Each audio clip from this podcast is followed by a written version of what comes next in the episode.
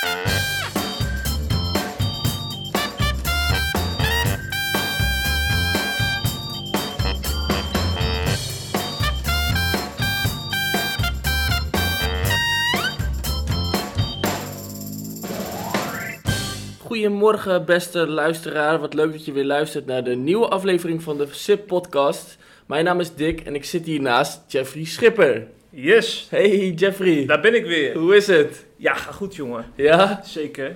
toch eh, altijd een eer om naast jou te mogen zitten. Ja, dat weet Een van, de, een van de beste, hoe zeg je dat?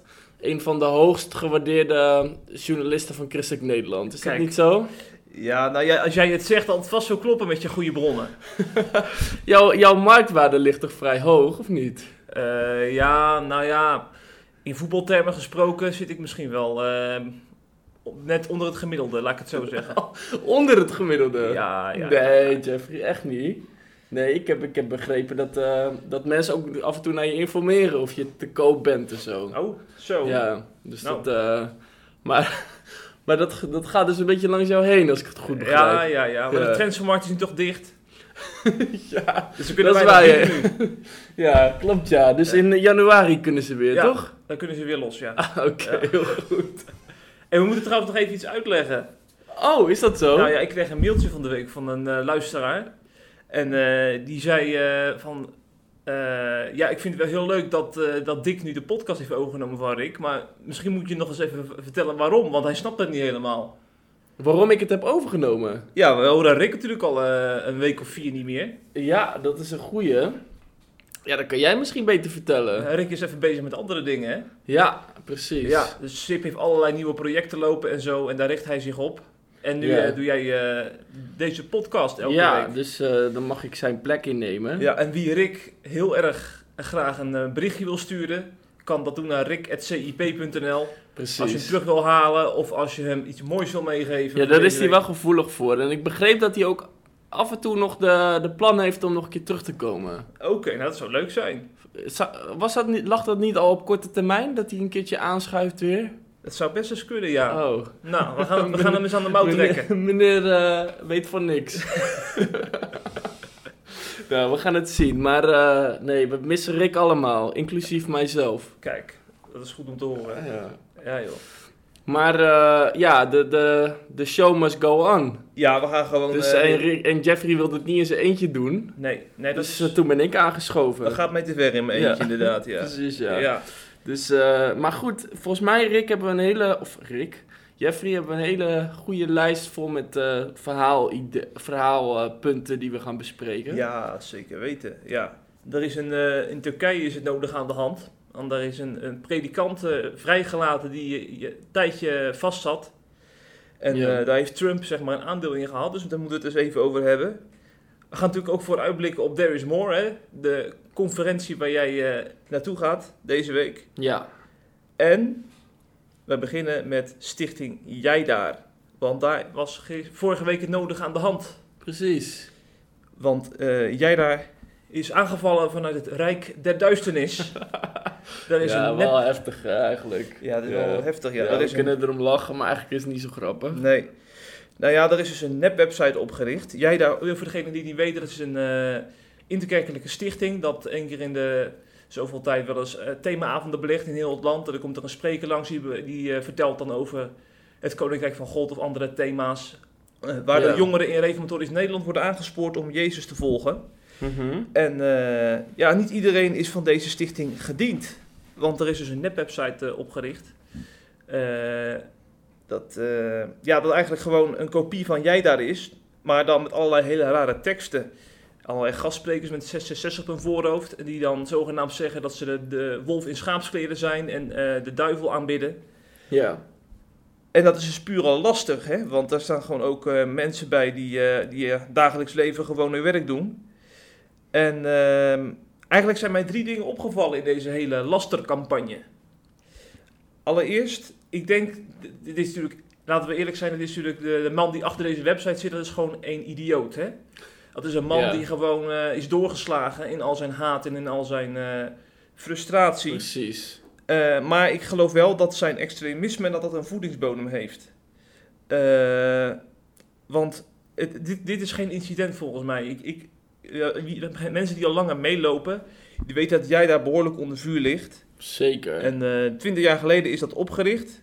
Toen zijn er eh, steeds meer jongerenavonden in Nederland voor reformatorische jeugd eh, ontstaan. En eh, je zou in zekere zin kunnen zeggen, je hebt, in Reefland heb je twee groepen jongeren. Je hebt jongeren die eh, van jongs af aan weten, ik ben een kind van God. En eh, daar ook mee zijn grootgebracht met die gedachten. Maar je hebt ook jongeren eh, die hebben meegekregen dat je niet zomaar een kind van God mag worden. Of, zelfs dat je dat nooit zult worden. Omdat je niet bij de uitverkorenen hoort. En het mooie is dat jij daar die laatste groep heel erg heeft aangesproken de laatste decennia. En vanuit die groep die zeg maar dacht dat ze nooit bekeerd konden worden, dat er juist heel veel mensen tot God zijn gekomen. Omdat zij eh, een boodschap hebben gehoord waar, waar ze niet omheen konden. Met andere woorden, er is een doorbraak gekomen in reformatorisch Nederland. Heel veel jongeren zijn tot levend geloof gekomen door deze stichting. En er is dus een beweging in de rechterflank van, de, van reformatorisch Nederland, die dat, die stichting als een gevaar eh, ziet en framet. Want ze denken, ja, die jongeren, die, je kan niet zomaar tot God komen. Dat gaat niet zo makkelijk. Dat hebben ze dus meegekregen vanuit een opvoeding, vanuit de, vanuit de prediking op zondag. En daarom gaan zij dus, eh, zijn er dus mensen die jij daar echt bewust eh, in een kwaad daglicht willen zetten, zeg maar. Zodat zo min mogelijk jongeren naar die bijeenkomsten van jij daar gaan. En dus gewoon naar de erediensten gaan waar ze gewoon de dominee horen. Met zijn eigen eh, eenzijdige preken. En daarom wordt jij daar denk ik ook zwart gemaakt. In de wandelgangen heel veel. Maar ik heb ook in kerkbladen de laatste decennia heel veel eh, stukken gelezen over het gevaar van jij daar en de boodschap die daar verkondigd wordt. Maar volgens mij is dat frame echt onterecht. Want goedkope genade wordt echt afgewezen door jij daar. Als, ik heb heel vaak van Mhm. die, van die, van die eh, preken gehoord. Ja. En er wordt altijd nadruk gelegd op je moet je bekeren. En dat gaat, en het gaat echt niet Klopt. eenvoudig. Het, eh, Jezus volgen heeft een prijs. Het is niet gratis. Mhm. En eh, het, ik heb nog nooit echt een, een jij daar boodschap ontdekt waarbij ik dacht van nou, die, die, die zeggen vanavond dat het allemaal heel eenvoudig is om tot Jezus te komen. En het is, al, en het is, het is allemaal heel simpel. En ga gewoon lekker en doe gewoon lekker je ding. Dat is, daar is echt geen sprake van. Dus Ja. dit is, dit is gewoon een frame. Precies. Maar dat is wel echt, wat je zegt, klopt wel dat, het er, eh, dat er een behoorlijke hetze tegen jij daar aan de gang is. Ja. En eh, ik heb het zelf ook meegemaakt. Ik we woonden ook in een eh, dorp waar jij daar gekomen was. En het was ook een dorp met het overgrote deel was daar, nou ja, laten we zeggen, eh, reformatorisch eh gezinte, zeg maar. En er werd een enorme politiek achter de, schermen gevoerd. Ja. Dat, ehm, eh, dat in kerkblaadjes werd gewaarschuwd om er niet heen te gaan. Eh, in ehm, mensen die gewoon persoonlijk werden die persoonlijke boodschappen kregen van eh, je weet dat je God er heel veel verdriet mee doet als je erin gaat, weet je, dat soort boodschappen. Echt gewoon intimidaties. En eh, wat ik echt het bizarre daaraan vond, is dat eigenlijk de mensen die het hardste er tegen waarschuwen, hun eigen, eh, en die bijvoorbeeld die hun kinderen, zeg maar, daar echt weghielden. En daar echt heel erg op tegen waren. Die kinderen zelf, die, die, die zaten dan elke zaterdagavond straal bezopen in, in, in de kroeg. Zeg maar, weet je? Dus van ja, door, doordat je elke mogelijkheid weghaalt en ze eigenlijk alleen nog maar de optie geeft om misschien met een psalmbijbeltje thuis op de bank te gaan zitten, wat, wat eh, heel veel jongeren niet zien zitten, eh, zorg je ervoor dat iedereen uiteindelijk de hele andere kant op slaat. Ja. En ik denk dat jij daar juist zorgt dat mensen eh, die uitspattingen zeg maar achter zich laten. En dat, dat die jongeren echt iets voor God willen doen op zo'n avond. Dus het is, ik vind het best wel, best wel triest, zeg maar, om dit ook weer te horen. Ja, Ja. dat is het ook, ja. Ja. ja. Sterker nog, dat is met de tweede wat mij is opgevallen. Eh, een van de gasten die zeg maar achter de schermen eh, bij jij daar aan de touwtjes trekt, dat is Evert Adams.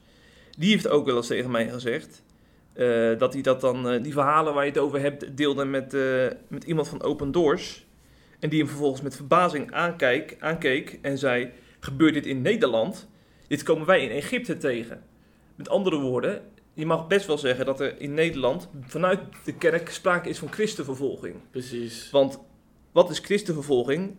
Eh, we hebben het vorige keer gehad over Amsterdam. Hè? Dat dan moslims die tot geloof komen, eh, worden bedreigd door eh, mensen die wel moslim zijn gebleven. Ja, En daardoor eigenlijk echt geremd worden in het uitoefenen van hun geloof. En ik geloof dat hier gewoon hetzelfde gebeurt, alleen dan in een hele andere context. Waar in moslimlanden zeg maar, het zwaard of de, een, een, een wapen, een AK-47, zeg maar, eh, het wapen is om christenen de, de mond te snoeren, is het in dit land is dat de tong. Zo is dat. Want er wordt heel wat gemanipuleerd. Ik kan je even een voorbeeld geven. Ik herinner mij een dominee die eh, bij een interkerkelijke samenkomst ergens ook een boodschap zou brengen om het evangelie te verkondigen, uiteraard.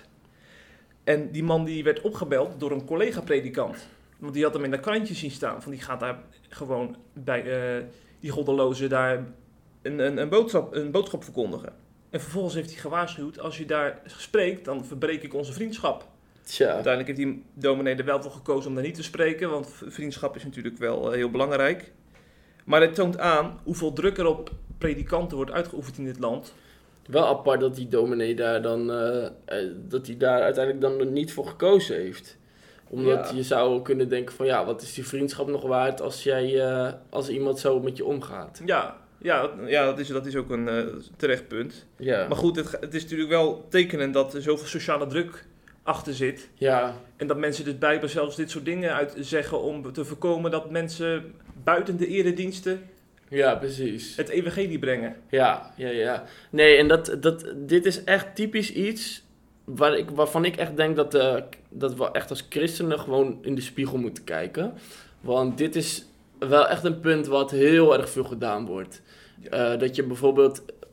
Ook een vo- ander voorbeeld is bijvoorbeeld There is More, weet je, die conferentie. Nou, een dominee die actief daarbij bij, zeg maar, gaat bijdragen, kan er ook op rekenen dat hij ongeveer de helft van de gemeentes waar hij normaal preekte gewoon weg kan strepen omdat het, het, het is heel erg politiek gezien in de christelijke wereld van... Als jij daar je bij aansluit, dan hoor je niet meer bij ons, zeg maar. En dat zie je ook in de evangelische wereld. Dat mensen die dan bijvoorbeeld, eh, weet ik wat, weet je, iemand heeft een bepaalde eindtijdvisie. En die gelooft misschien dat er eh, allerlei rampen gaan gebeuren, terwijl een ander daar andere visies op heeft. En als je dan uiteindelijk bij een van die eh, eindtijdfiguren zeg maar, gaat aansluiten, dan raak je de rest allemaal weer kwijt. En alleen de politiek correcte mensen die met alle winden meegaan, die, die, die kunnen daar misschien een beetje doorheen, doorheen varen, zeg maar. Maar het, ja, ik vind echt dat, dat, een beetje, dat we gewoon een klein beetje nuchterder moeten worden. Ja, ja. Ja, ja. Wat ook interessant is, wat ik denk achter zit. Mhm. Van, hè, mensen die, die zeg maar geen insider zijn, die snappen hier niks van. Van waarom mag een dominee niet bij een andere, in een andere kerk preken? Of waarom krijgt hij daar eigenlijk heel veel eh, gedoe mee?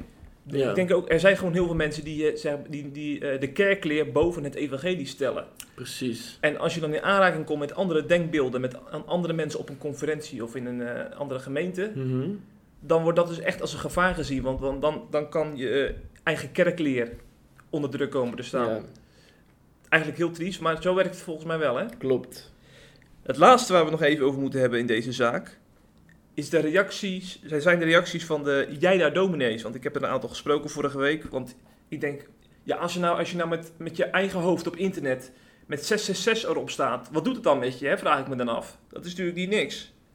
En wat mij opviel is dat men heel erg nuchter eh, blijft. Bijvoorbeeld eh dominee Gert van der Brink in eh, Rotterdam. Hij zegt, ja, Jezus heeft zelf gezegd, wie mij haat, eh, of ze, ze hebben mij gehaat, dus ze zullen jullie ook haten. Ze hebben mij vervolgd, dus, dus ze zullen jullie ook vervolgen. Een dienaar van Christus krijgt te maken met felle kritiek en laster. Kortom, hij heeft geaccepteerd dat het bij zijn bediening hoort. Dat je te maken krijgt met, met vervolging en met kritiek. En ik vind dat eigenlijk wel een hele volwassen reactie van deze man. Want ik denk van als hij had teruggeslagen, door bijvoorbeeld echt wraak te nemen op, op, op deze eh, toch wel godsdienstwaanzinnige eh, maken van de nepwebsite. Dan had hij volgens mij eh, eh, echt.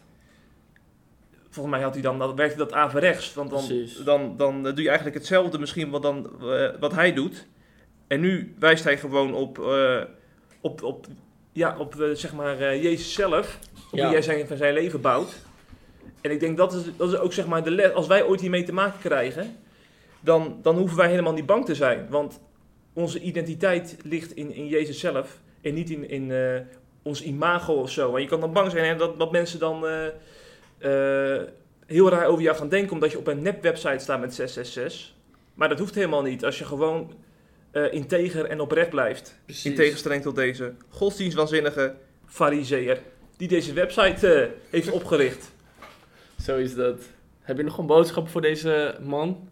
Voor deze man. Ja? Nou, ik zou hem toch echt willen aanraden om eens even lekker op vakantie te gaan naar Thailand of naar Egypte. En om daar eens even lekker met, met, wat, met een lekker cocktailtje aan een bar te zitten of op een strand te hangen. En even rustig deze podcast te overdenken. Om vervolgens je excuses aan te bieden aan deze jij daar dominees. Dat zou ik toch wel een Nou, ideaal dat is een scenario mooi advies. Het is alleen niet te hopen dat hij, dat hij in Thailand eh, een nieuwe idee krijgt voor een nieuwe website. Ja, dat zou kunnen. Dat hij ook een Thaise versie start. Zo is dat, ja. Ja. Dat zou toch bizar zijn? Ja, ja, Ja. ja. Nee, dat... eh hey, en als we het dan hierover hebben, dan Ja. komen we bij een volgend onderwerp. En Ja. dat is eh There is More. Ja, je verwees er net al naar, ja. Ja, precies. Die conferentie die, eh, komt er, eh, die begint aanstaande donderdag. Dus dat is morgen, zeg maar. Nou, en dat is natuurlijk een zeer veel besproken conferentie. Veel vorig jaar en de jaren daarvoor. Eh, eh, nou ja, gaat het daar heel veel over. Wat is het voor conferentie eigenlijk dan? Eh, nou, het is een conferentie vooral voor protestanten, maar ik denk dat in principe is iedereen welkom. Maar het hele idee is dus om there is more, dus uitstrekken naar meer, zeggen ze dan. Dus dat betekent meer van bijvoorbeeld de Heilige Geest, dat er meer beschikbaar is. Dus bijvoorbeeld genezing, eh, bevrijding, dat soort onderwerpen komen dan te, te sprake. En eh, dat is natuurlijk best wel vernieuwend eh, binnen de protestantse traditie, omdat dat een hele lange tijd echt volledig eh, eh, slapend is geweest. Ja. Nou, en daar, daar gaat dus deze conferentie over en daar gaan ze het dus eh, uitgebreid over hebben. En, ehm, nou, er is natuurlijk heel veel kritiek op eh, There is More. Onder theologen eh, wordt er ontzettend veel over gesproken. Dus ik denk dat het goed is om eh, even een lans te breken voor deze beweging. En om eh, drie redenen op te sommen waarom is More een zegen is voor Nederland. Ik ben benieuwd. Precies. En de nummer één reden, daar komen we, dat is ehm, de PKN loopt leeg. Dat is een goede reden om, eh, om zo'n soort beweging te starten. Want ehm, ook al gaat het, het gaat niet zo goed met de PKN, het gaat, eh, de leden eh, lopen snel leeg, 70.000 per jaar zoals we laatst bespraken. Dat is echt een extreme hoeveelheid. En de charismatische beweging is wereldwijd toch wel de meest vitale beweging van het christendom.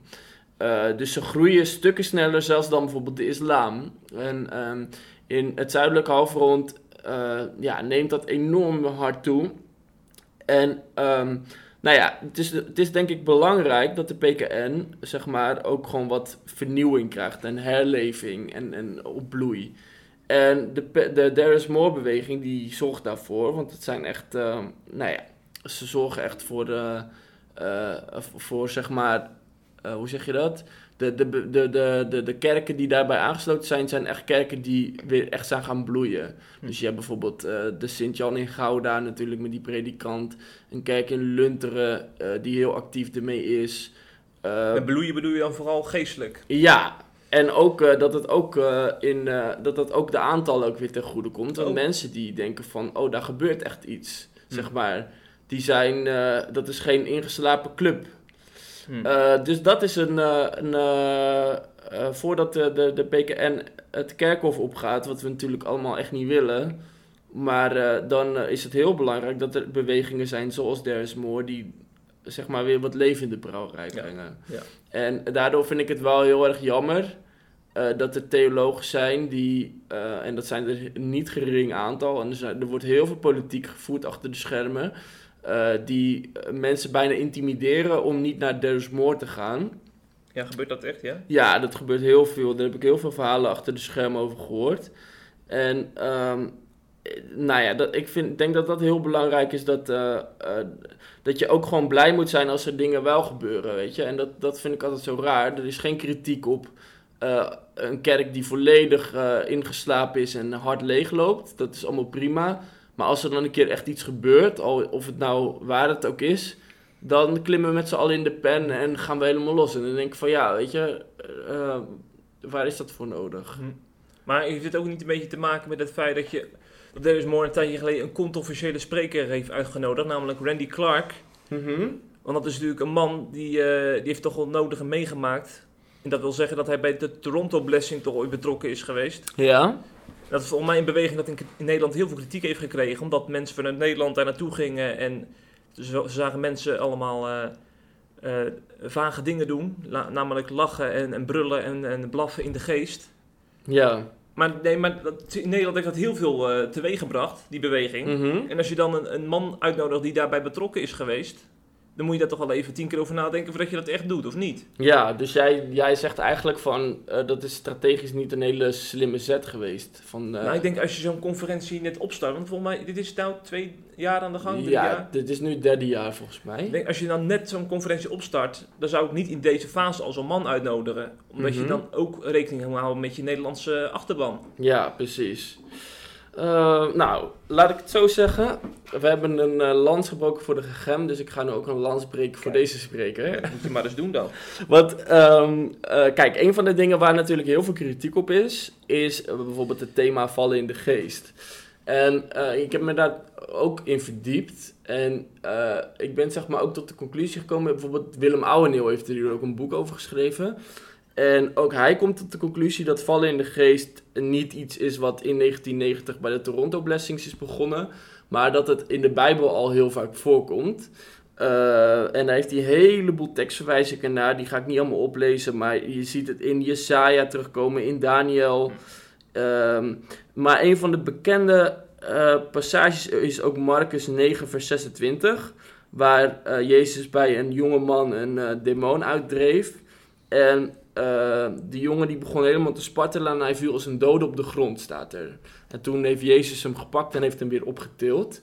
Ehm, dus dat is bijvoorbeeld een voorbeeld waar vallen in de geest voorkomt. Ja. Nou, vervolgens heb je bijvoorbeeld Johannes, of, ehm, eh, ja, Johannes 18, 18, vers 6, waar ook eh, de kracht van God kwam en de soldaten die bij, tegenover Jezus stonden, die kregen de, door de kracht van de Heilige Geest, vielen die met z'n allen achterover. Nou, je hebt natuurlijk het voorbeeld van Paulus, die op zijn paard zat en ineens eh, op de grond viel, zeg maar.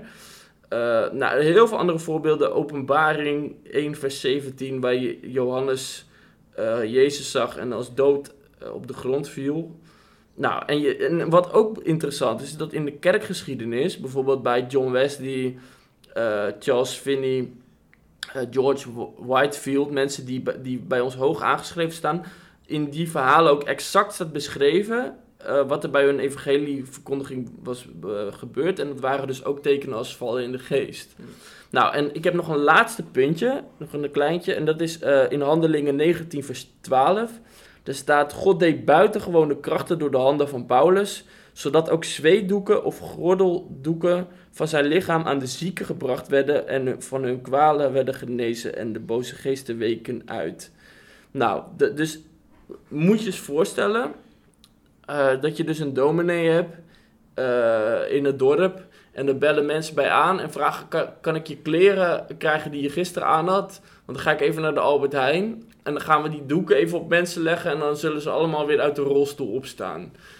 Eh, dat is precies de praktijk die, wat daar gebeurde. Wat zouden we nu zeggen? Dat, is, dat zijn ketters, dat zijn... eh, wij zouden dat verschrikkelijk vinden.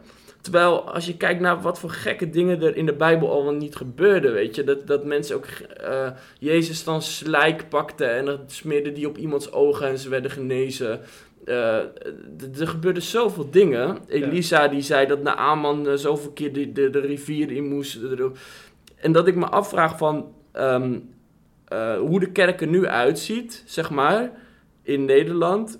Ehm, lijkt de Tor- Toronto Blessing niet bijna nog meer op hoe de kerk er vroeger uitzag dan hoe onze gemiddelde gereformeerde kerk eruit ziet. Hm. En dat is misschien een beetje controversieel. Misschien vinden mensen het, eh, eh, ja, weet je, misschien is dat niet zo, eh, nou ja, niet zo populair om te zeggen. Maar ik denk dat dat wel iets is wat, dat we in de spiegel mogen kijken en zien van wat voor wonderen en dingen er in de Bijbel gebeurden. ehm, is dat niet ook, eh, eh, zeg maar, eh, ja, kunnen, moeten we daar niet iets opener voor staan? Ja, ja, ja. Ja, Ja. precies. Ja. Is dat ook jouw tweede punt dat je nu maakt? Nou, bijna. Oké. die, want die, de, de, het, het, kijk, het ding is, eh There is More is niet de nieuwe beweging, dat is mijn tweede punt. Maar het keert terug naar de oorspronkelijke kerk. En eh, we hebben gisteren een, eh, een artikel met David ten Voorde geplaatst. En die legt dat helemaal uit.